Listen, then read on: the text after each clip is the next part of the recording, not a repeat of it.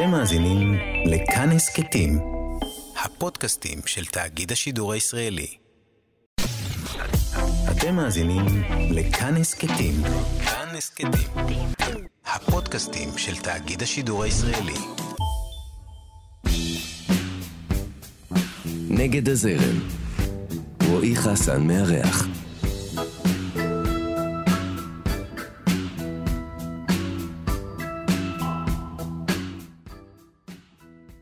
מאז הקורונה הוא נודד מבית לבית עם גיטרה אקוסטית בהופעות קטנות שמזכירות לו את תחילת הדרך כרוקיסט על הגבעות של הקיבוץ. המטרה שלו היא לתת לקהל תחושה תמידית של נהפוך הוא, ואם תשאלו אותו על תקופת הזוהר של ה nineties הוא יענה בלי למצמץ שהוא לא מתגעגע. אתם על נגד הזרם, כאן תרבות, אה, ויש לי את הכבוד והעונג לארח כאן היום בתוכנית את הזמר, המוזיקאי, היוצר, חמי רודנר. אהלן. מה קורה? הגיתי נכון? הגית, הגית בו יומם ולילה. הלחצת אותי רגע לפני הזה, אבל... כי אה, כולם קוראים לי רודנר, וזה פשוט אני... האמת זה נכון, גם אני... מעצבן, זה היה- זה מעצבן אותי. אה, אשכרה, אבל זה, זה, זה מתגלגל הרבה מאוד שנים. אז אני כמו בטרחנות של בן 57. לא, אבל אני מבין את זה. אני מתקן את זה, כי רודנר יש לו משמעות. אוקיי, מה? אה, אה, רודנר זה בשפות אירופיות עתיקות, זה אנשים שגרים בלב קרחת היער. אוקיי. בארצות הבלטיות ובלורוס וזה. זה, זה רודנר. זה משהו שאתה מתחבר אליו, אתה יכולת לחיות בקרחת היער. אה, לא. לא. אז אה, תראה, אני, אני מכיר את זה, אני מזדהה עם זה, אבל ממקום אחר, יותר מהמקום של הצליל, שאני נגיד נמצא במקומות כאלה שרוצים להציג אותי, מקומות כאלה, לא יודע איך לקרוא להם, אה, תרבותיים, אז יש נטייה להציג אותי בתור חסן, רועי חסן. וזה זה מטריף אותי, ואתה רוצה שיגידו חסן. כי, כי זה השם משפחה. כאילו, אתה יודע, זה כן. כמו במקרה שלך. אז, אה, אז הדברים הקטנים האלה, בעיקר לאנשים נת- נטיונת ל-OCD, כן, זה נטיונת. נטיונת. אז אה, מה קורה, חמי? איך החיים עכשיו?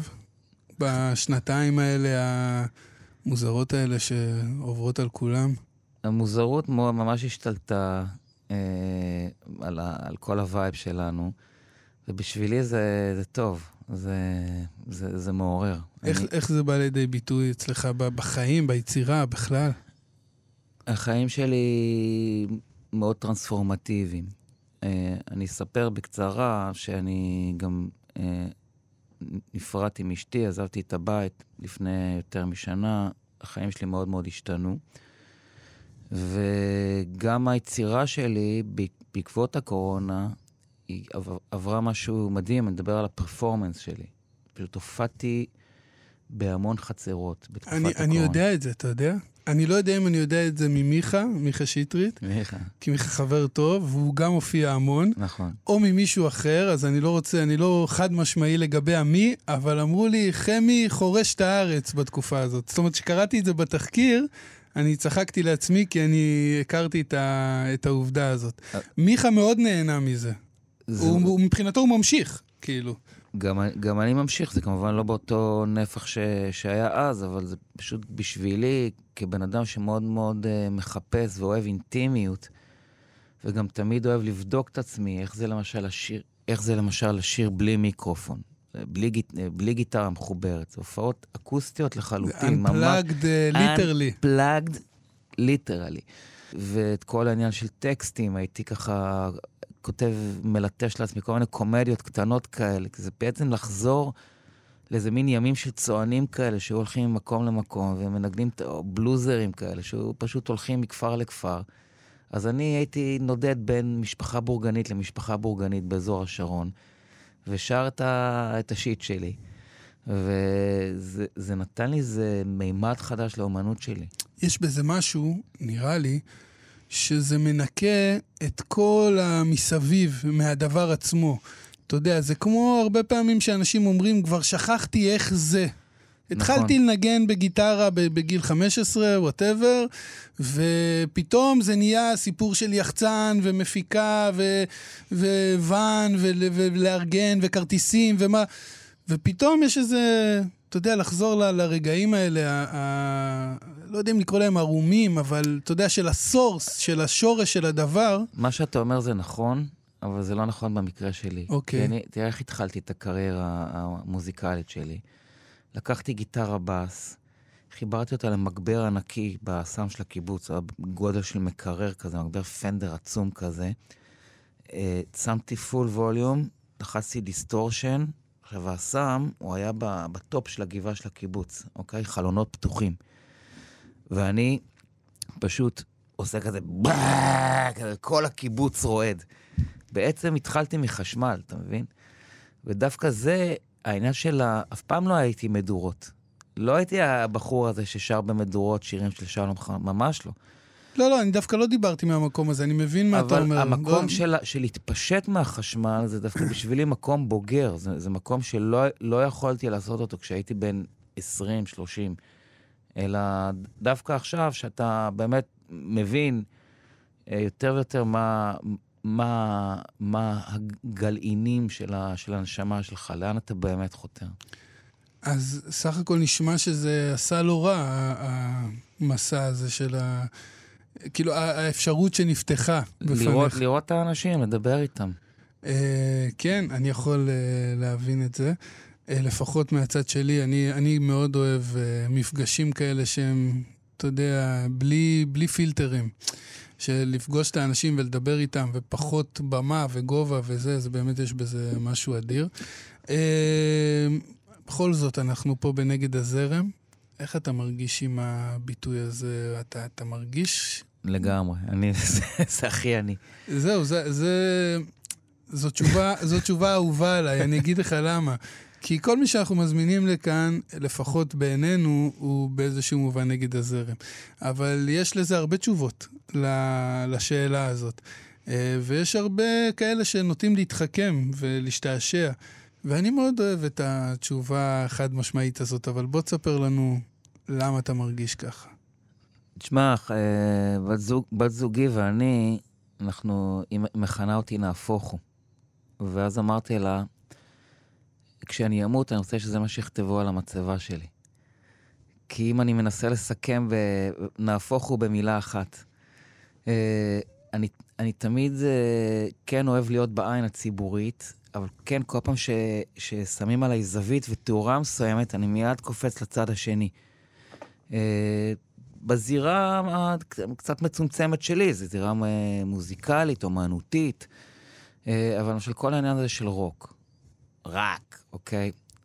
זה, זה פשוט לא כך מעניין אותי הדבר הזה שנקרא רוק, וזה אף פעם לא עניין אותי, כי זה, זאת הייתה האומנות שהייתי יכול לעשות אז. אני חושב שאם הייתי היום בן 20, אני מאמין שהייתי מנסה לכתוב איזה דרמה טלוויזיונית או קומדיה מוטרפת כזאת, כי זה הרוק בימינו, אוקיי? וכל העניין של הדור, אה, ואמרו לי, אתה דור, אמרו לי, אתה שנקין, ואתן לך דוגמה אחת לנהפוך הוא. בשנת 2000, שכולם, היה אז מין מושג כזה, נגיעות אלקטרוניות. אני זוכר את זה, אני נגיעות אלקטרוניות. אז, הייתי אז נער, לא נער אפילו, גיל 20 כזה, אני זוכר את זה בה. זוכר, ברי סחרוף, אה, נכון. רע מוכיח קצת, כאילו וה... רע מוכיח הביא את זה אז עם ברי, אמדורסקי. ואז אמדורסקי עשה, ואז זה, זה, זה עלה גם לעברי לידר, ודברים שהם, שהם, אה, שהם יותר פופים. ומה אני עשיתי בשנת 2000? עשיתי אלבום מה-70's, עשיתי את גאולה, שזה... נכון, עם שליחי אל, הבלוז. אלבום הסולו הראשון שלי, לקחתי להקת קאברים שמנגנים 60's ו-70's, ואפילו אסף אמדורסקי, האהוב נפשי, תקף אותי גם, על זה. גם נפשי. הוא תקף אותי על זה באיזה תוכנית טלוויזיה, הוא אמר, מה, העולם מתקדם ואתה יושב ומקשיב לבוב דילן עם הנוצה בכובע. לא, הוא היום עושה בוסנובות, אתה יודע. בדיוק. אגב, הוא גם דיבר, אנחנו דיברנו על זה הרבה, כי אנחנו באמת חברים טובים. זה, זה נהפוך הוא, אתה מבין? שכולם הלכו להיות אה, מעודכנים, וזה, אני הלך, באתי עם משהו שהוא ממש אופוזיציה לזה. ממש, אה, וזו ההמחשה של הנהפוך הוא שלי. אה, עבד, עבד טוב האלבום הזה. חס די. אני, אני זוכר, אני זוכר את זה, אתה יודע.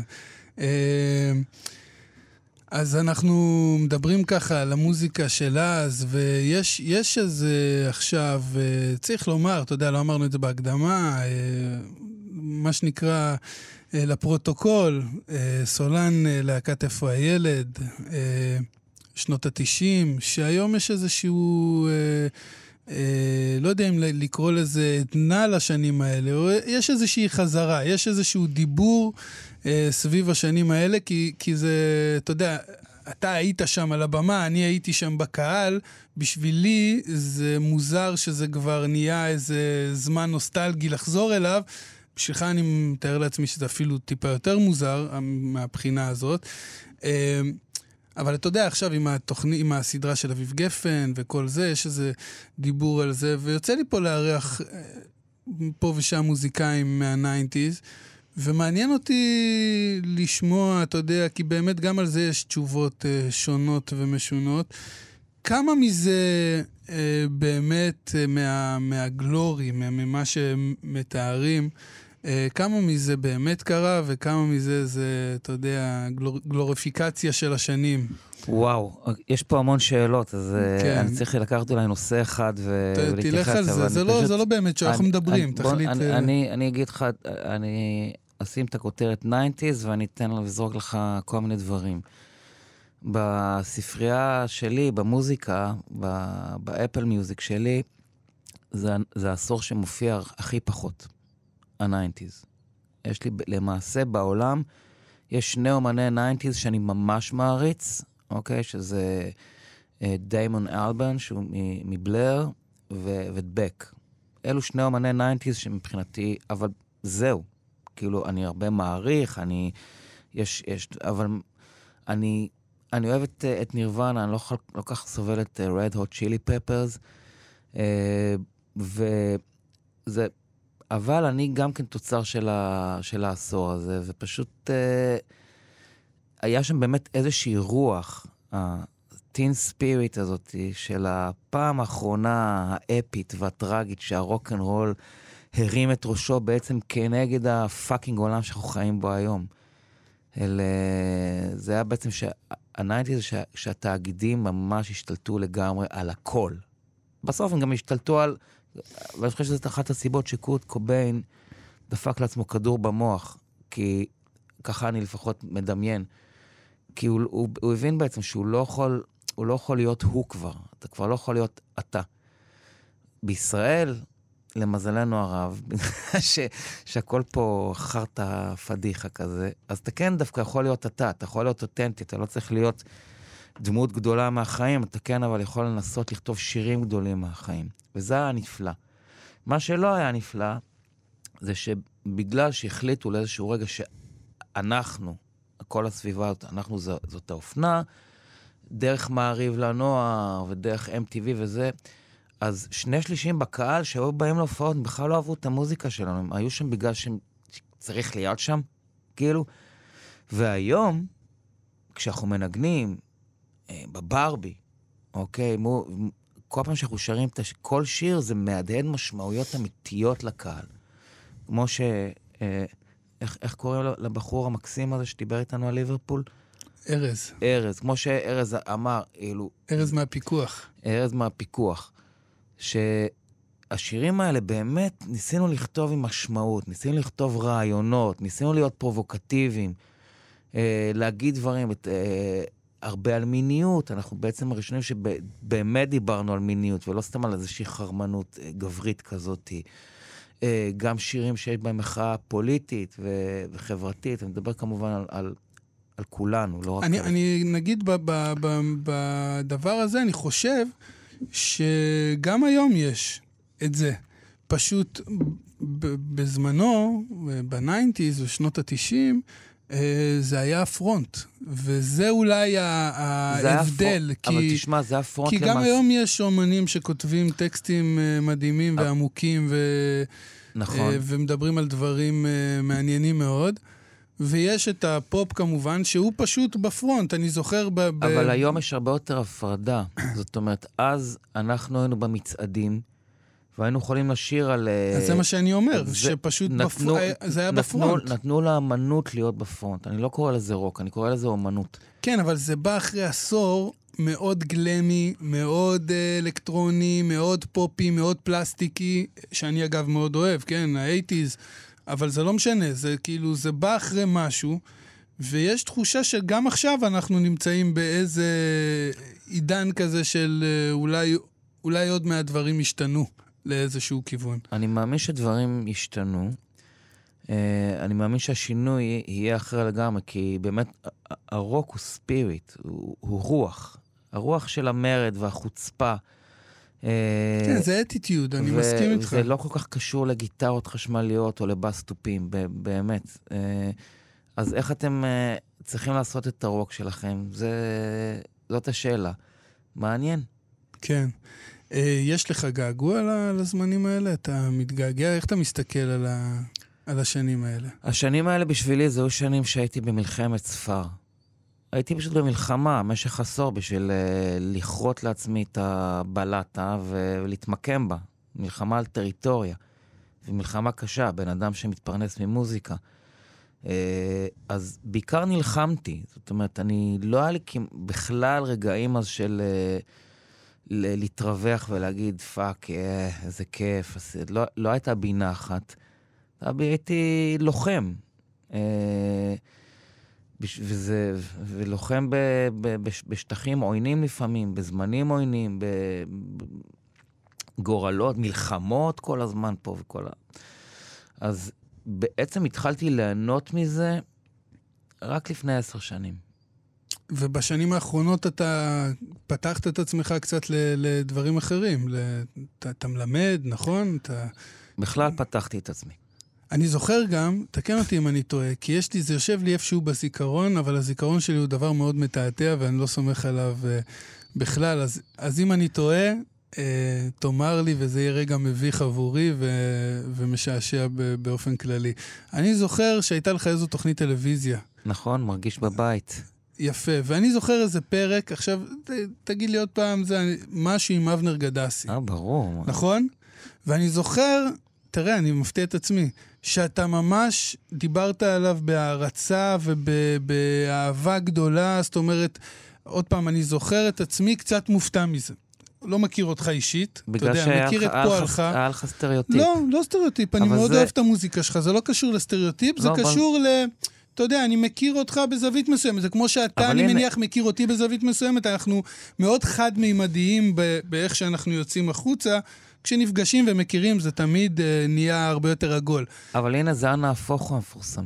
אתה יודע שאני... זו תוכנית שקוראים לא, לה... אבל, אבל איתך זה, סליחה שאני זה, איתך זה, זה דווקא, בגדול זה לא היה אמור להפתיע אותי. זאת אומרת, אם אנחנו חושבים עכשיו על שליחי הבלוז, ואבנר גדסי, ו- ובלוז, ו rock and roll, אבל אה, תשמע, רועי, לא רק אבנר גדסי. אני רוצה לספר לך, אוקיי. ולספר למאזינים, כי לצערי גם אין את זה ביוטיוב, את התוכנית הזאת. תוכנית של שלוש שונות, שתיים בתלעד, זיכרונה לברכה, ואחת בקשת, שעשו לי טובה. והתוכנית הזאת נקרא מרגיש בבית, ושם נפגשתי עם, אה, עם יוצרים ומוזיקאים. עכשיו, אני על הוואן, אני אמרתי, אני רוצה שחצי זה יהיה מהים תיכוני. אני לא, זה מעניין אותי, זה מרתק אותי, ואני נכנסתי שם למקומות. אבנר גדסי זה, זה... אני... אתה יודע שאני הראשון שראיין בטלוויזיה את יוסי גיספן? הראשון. שישב ושאל אותו ודיבר איתו על... ה- כן, ואני אמרתי, אה, אה, עשינו תוכנית על ליאור נרקיס. ואני אמרתי, אני רוצה לדעת מי זה האיש הזה שכותב את הפאקינג להיטים המטורפים האלה. בוא, בוא נדבר עם, ה, עם, ה, עם הקראפטמן.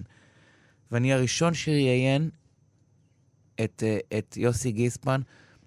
עשינו תוכנית על יהודה קיסר, שהוא, לפני שהוא נהיה, אתה יודע, אה, ב, כי הוא נהיה כזה היפסטרי ב, היום, כן. היום. עשינו עליו תוכנית ב... עשה פה, זה רוקנרול, אתה מבין? ו... בעיניי ו- באמת התקופה הזאת של המוזיקה המזרחית, היא אז- באמת קשה, קשה מאוד להוציא אותה מהגדרה של rock and roll, כי by יותר, definition, אין יותר מזה. בס, גיטרה, תופים, אתה יודע, זה לא היה אה, בנגלמה ו- לא, לא. וסיטר. לא, ועכשיו אומרת, אני, זה- אני הוקסמתי, ממש להקות רוק. אני הוקסמתי מה... ו- ועשינו, עשיתי תוכנית אה, על, על, אה, על אלי לוזון, אוקיי? וכאמור, על, אה, על ליאון נרקיס, ועוד ועוד ועוד ועוד ועוד, ואני זוכר שאבנר גדסי, אני התעקשתי ואני נלחמתי מול קשת לעשות את התוכנית הזאתי, ואני פשוט הפכתי, אני, אתה מבין? הלכתי והפכתי שם שולחן. כי? כי הם אמרו שהוא לא כל כך זוכרים מי הוא, לא, לא משנה מה. אתה מבין? זאת כן. זאת אומרת, ואחרי זה עשיתי איתו מופע מדהים הנה, וזה זה. מה שאני זוכר מה, מהתוכנית, אתה מבין? אני זוכר את הפרק עם אבנר גדסי. לא, זה הפ... שמע, זה... אנשים ראו את הפרק הזה, ואותו אגב אולי יש ביוטיוב, שזה כי אני, אני מאוד אוהב אותו, מאוד מאוד אוהב אותו, אבל מעניין אותי ה- החיבור הזה שלך למוזיקה מזרחית, כי זה באמת אה, זווית... אה, שמע, אחי, בוא נגיד לך משהו. כן. המקה של המוזיקאים, של הרוק, היא תמיד שחורה. אין מה לעשות, כי זה, משם באנו. הצבע הזה, כן, כן. מה... מ- משירת ה fucking מדוכאים, אוקיי? וזה לא משנה איפה הם נמצאים, ושם יש את הקצב, ושם יש את המג... את ה... את ה... משהו מגי ומשהו מיסטי, וכל רוקר, אם הוא רוקר אמיתי, הוא נמשך לזה. אין דבר כזה שלא, אוקיי? וכשאני ראיתי, ראיינתי את ג'קי מקייטן, הוא סיפר לי כאילו כל מיני סצנות ב... ב... זה הסיפורי רוקנרול הכי מטורפים ש... ש... ששמעתי ב... בישראל. sex and drugs and rock and roll. וזה משהו ש, ש, שקרה לך במהלך הדרך, או שזה משהו שהיה לך חיבור איתו מיידי, כאילו? אני, תשמע, אבא שלי, ההורים שלי, היו מביאים מוזיקה הביתה, והוא מאוד אהב מוזיקה יוונית. אתה... ובעצם המוזיקה הים תיכונית. הרבה מהדפוסים שלה היא לקחה, לקחת מהיוונית. כן. את הבסטופים, הרבה מה... מהמהלכים ההרמוניים וזה. וזה היה אצלנו בבית, כאילו, חופשי חופשי. ו- וכל הזמן. אז ה- הגרוב הזה והסאונד הדק הזה של הגיטרה, לפעמים כפול כזה, מוכפל, זה תמיד היה לי באהבה. בגלל זה שנאתי, שאמרו לי, אתה, אתה רוקר, אתה שנקין, אתה זה, אתה זה. זה מבאס בהגדרות. זה פשוט כי אני, אני באמת uh, מתפרס. אל, אל תצמצמו. ברור, אני, עם זה אני הכי מזדהה. זאת אומרת, אני מהמקום שלי גם על עצמי אומר, אתה יודע, שיקראו לי איך שיקראו לי, אין לי, אין לי דרך אה, להחליט לאף אחד, אבל אה, אני לא אוהב את זה שאומרים "המ- המשורר, אתה יודע. אני רואה את עצמי בן אדם יוצר, אני כותב הרבה מאוד דברים להרבה מאוד אה, מקומות, ו... אתה יודע שתלמידה שלי הלחינה והקליטה את השיר שלך? אה, במדינת אשכנז. לא, תלמידה שלי, כן. איזה כיף. איפה? סלומון.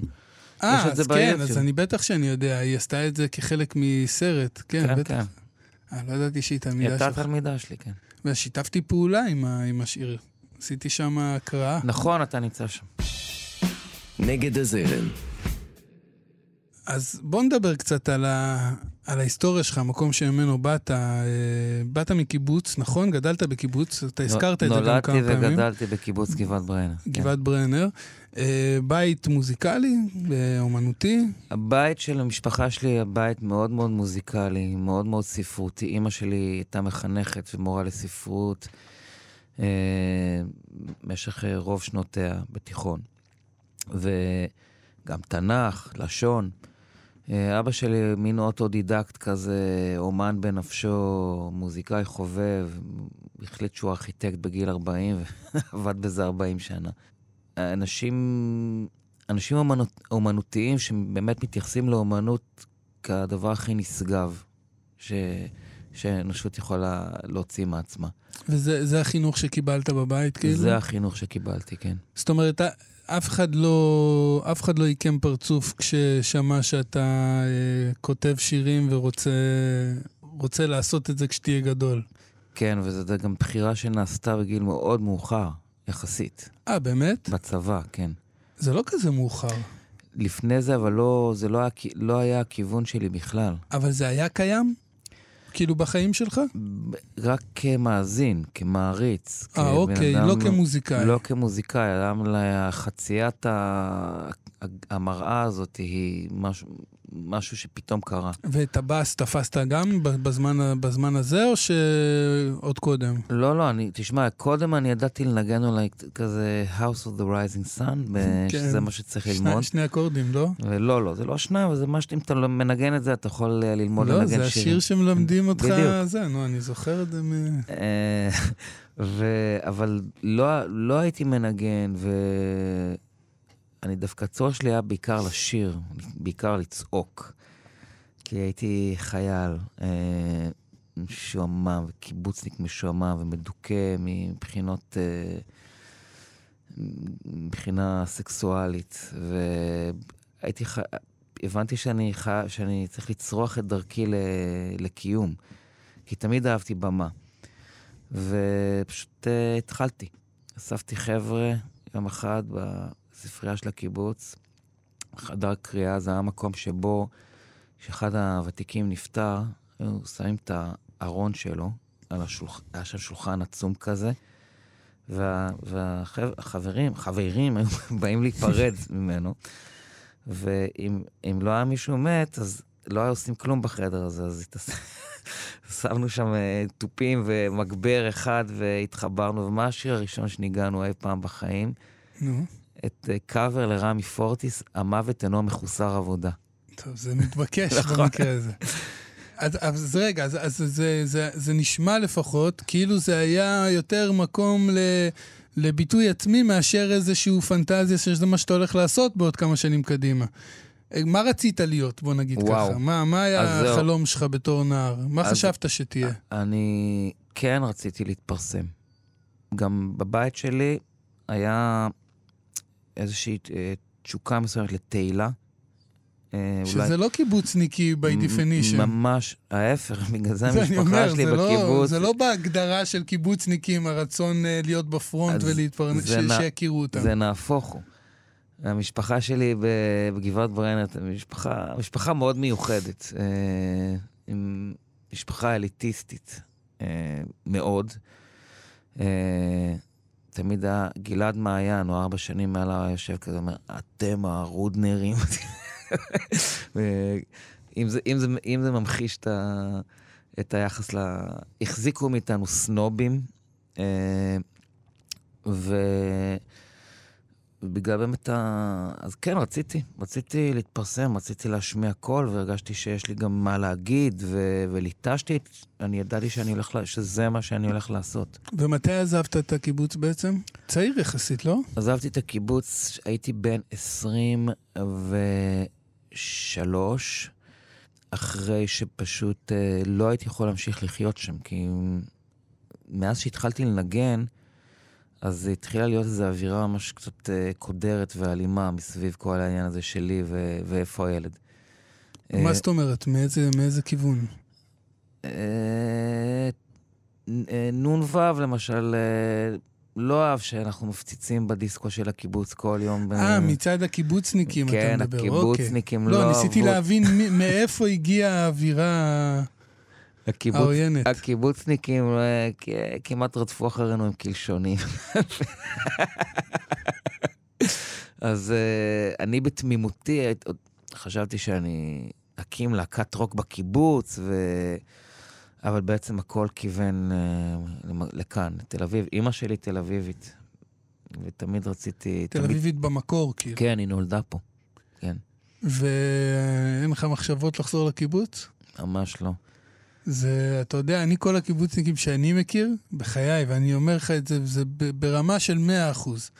הם כאלה שעזבו בגיל צעיר את הקיבוץ, וכשהתחתנו, דבר השני שהם עשו אחרי החתונה זה כאילו להתחתן ולחזור לקיבוץ. אבל אחי, אתה משייך לדור שהיום קיבוץ זה מקום שאפשר להתברגן בו. זה משהו אחר. אתה יש, מדבר, יש אפשרויות. אתה מדבר, על, אתה מדבר על התברגנות. עכשיו, אני, אני לא בן אדם בורגני. לטוב ולרע, אני פשוט לא בן אדם בורגני. ו...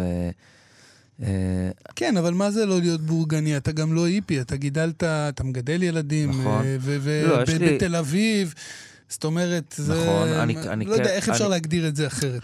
אני יודע איך להסתדר, אני יודע איך להסתדר, אבל אין לי, רכוש לא מעניין אותי. אוקיי, זה בסדר, גם אותי לא, אבל אתה יודע... וגם אני, אני מעדיף לגור ב...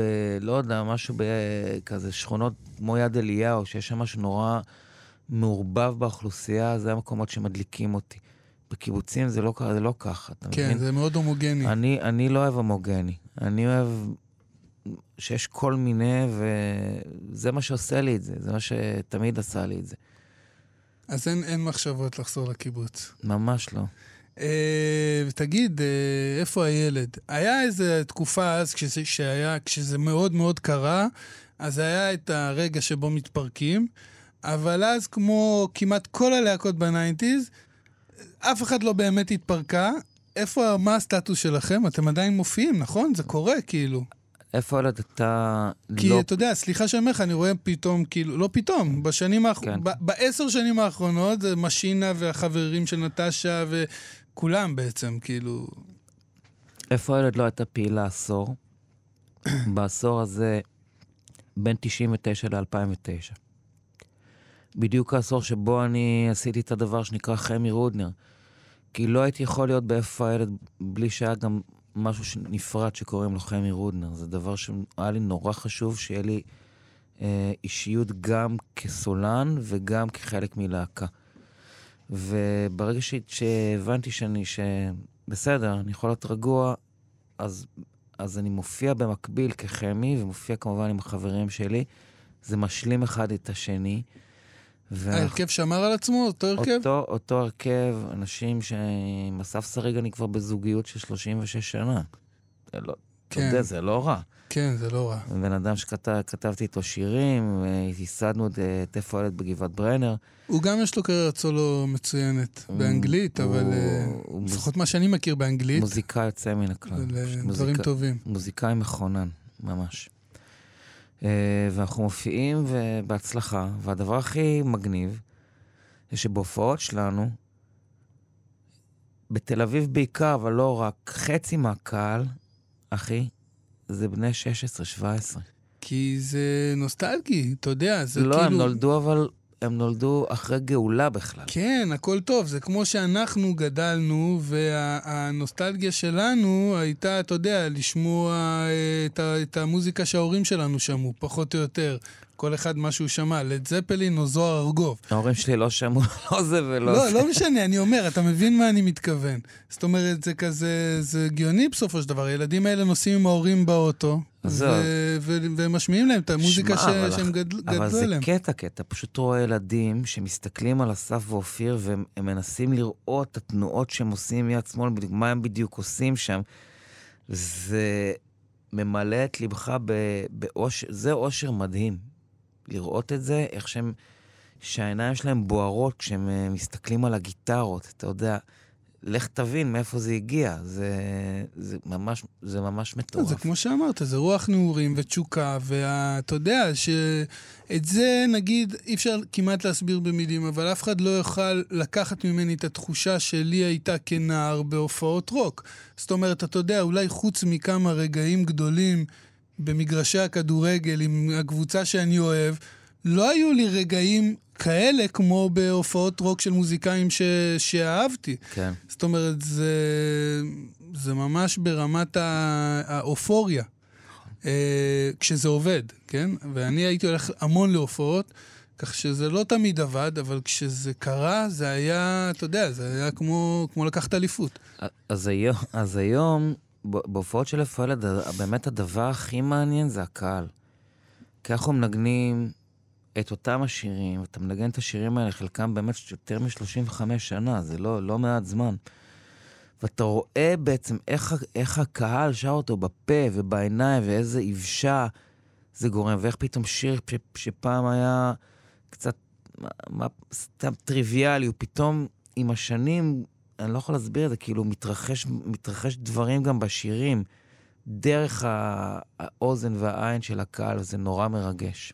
כן, גם ששירים חיים כל כך הרבה זמן, הם מ- מקבלים כל כך הרבה צורות, זה, זה מדהים, כי הרי תשמע. הכל משתנה כל הזמן, כן. והשיר כאילו עומד במקום, אבל הוא גם, הוא לא, שום דבר לא עומד במקום. אני מתייחס אליו כאל משהו אורגני. כן, חי. נכון? אה, לגמרי, בטח, בטח. אני, עם זה אני ממש מסכים. זה, ככה אני חושב על שירים, בכלל על אומנות. נכון.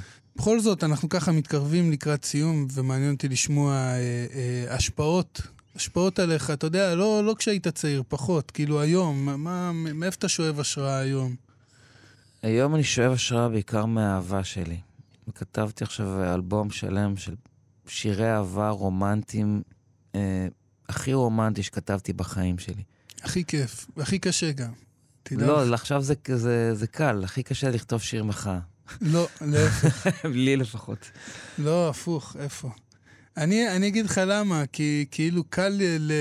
כאילו יש בזה משהו מאוד סקסי בצעקה ובנגד ובהתנגדות, ויש משהו באהבה שתמיד אנשים יצביעו עליו כעל אה, קיץ', כעל אה, דבי, כעל זה, אבל לכתוב שיר אהבה, באמת, לכתוב שירי אהבה גדולים, אתה יודע, זה אהרון שבתאי אמר לי פעם, אמר לי, לכתוב אה, על, אה, על הכל זה...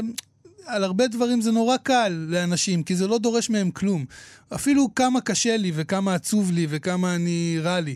אבל לכתוב שאתה מאוהב ולתאר את האישה שלך, את הגבר שלך, ווטאבר, כל אחד והאהבות שלו, זה כאילו, זה העילית של ה... זה האמת שאני מאוד מסכים עם, ה, עם הדבר הזה. אז זה בכל אופן, שוב, זה עוד טרנספורמציה שאני עובר, שאני עובר עכשיו אה, עם עצמי. זה הולך להיות אלבום שלי. אה, ואנחנו כבר עובדים עליו במין... אז בעצם אני חייב לחיות לפחות עד שהאלבום שלי יצא. בעזרת השם, אני מאחל לך עוד כמה שנים קדימה. אתה. נראה לי צעיר בסך הכל, אתה יודע. אה, למרות שעוד פעם, אין, אין חוקים, אבל, אה, אבל אני מאחל לך שנים ארוכות וטובות. ושמחות.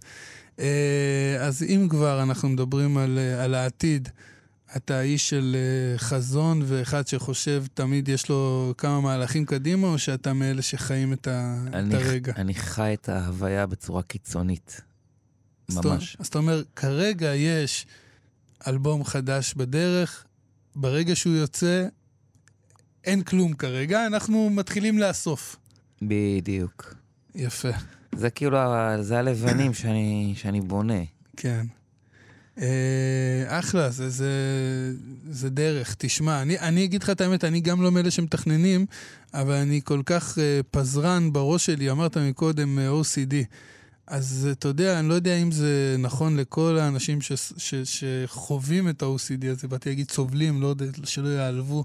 אני אין לי בעיה להגיד על עצמי שאני סובל מ-OCD, גם לי יש OCD. אבל, אבל אני אומר, בראש שלי, הר- הראש שלי הוא בדיוק ההפך מ-OCD. זאת אומרת, הוא בלגן אטומי, ומלא דברים שכל הזמן נשארים פתוחים, אז ככה שבלי לתכנן, כל הזמן יש לי כמה דברים קדימה, אתה יודע שהם... גם אני עובד, אני גם עובד על המון כתיבה עכשיו, המון דברים שאינם קשורים למוזיקה. אני סתם כותב רעיונות ומהגג, ו...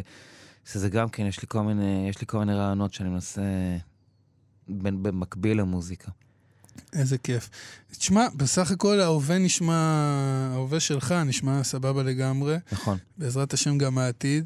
אה, חמי רודנר, תודה רבה. תודה רבה, היה רועי. ממש כיף. גם לי. אתם הייתם על נגד הזרם, כאן תרבות, אני רועי חסן, אני איתכם גם כאן גם בשבוע הבא, בעזרת השם, אותה שעה, אותו מקום. להתראות. אתם מאזינים לכאן הסכתים, הפודקאסטים של תאגיד השידור הישראלי.